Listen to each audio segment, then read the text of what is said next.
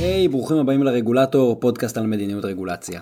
אני גיא, והיום נשאל, האם למסעדות בישראל יש עתיד? אחת לכמה זמן מתפרסמת בתקשורת כתבה שמצביעה על הקשיים של העוסקים בתחום מסוים.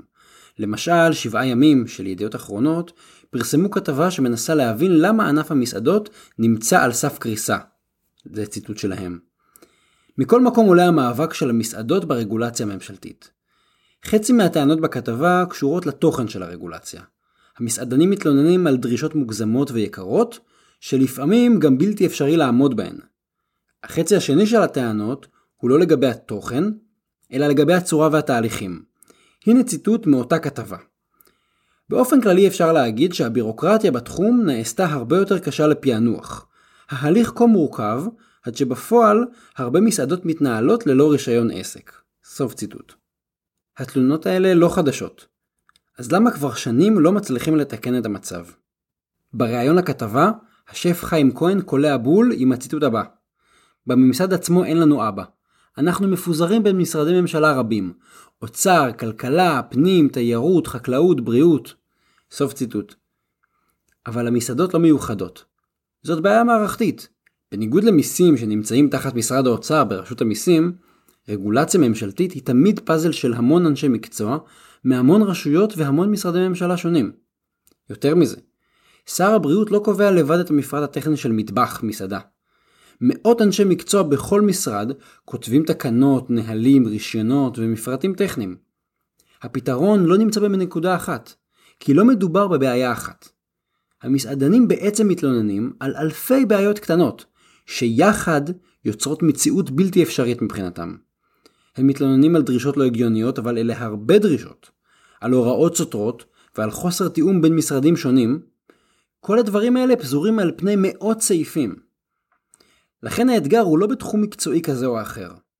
לא יעזור לומר, אם רק היו לנו תברואנים טובים יותר, או צריך מהנדסים איכותיים יותר בממשלה. זה לא הסיפור.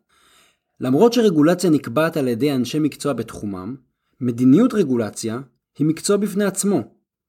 זה לא להיות מהנדס, זה לא להיות וטרינר, זה לא להיות רופא.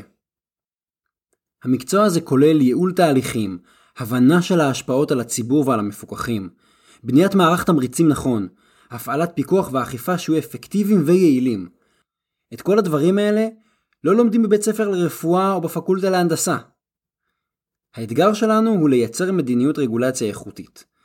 לייצר מערכת שלמה שעובדת בצורה יעילה וחכמה וממוקדת באזרח שמקבל את השירות. כמובן שזה מצריך עבודה של אנשי מקצוע שקובעים את הדרישות הטכניות. וכאמור, הדרישות הטכניות מפוזרות על פני מאות סעיפים שצריך לבדוק, לעדכן ולתקן.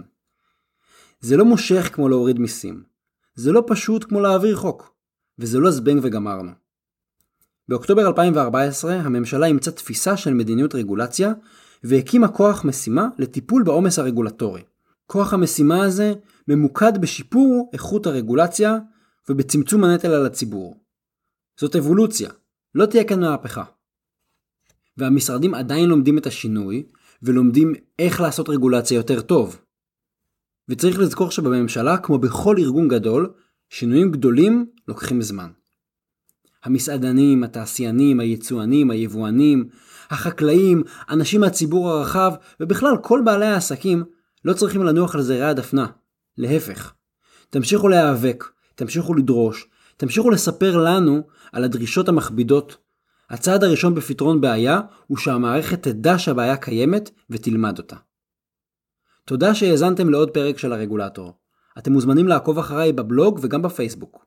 בבלוג תוכלו למצוא לינקים למקורות ולעוד פוסטים בנושא. התכנים משקפים את דעותיי בלבד.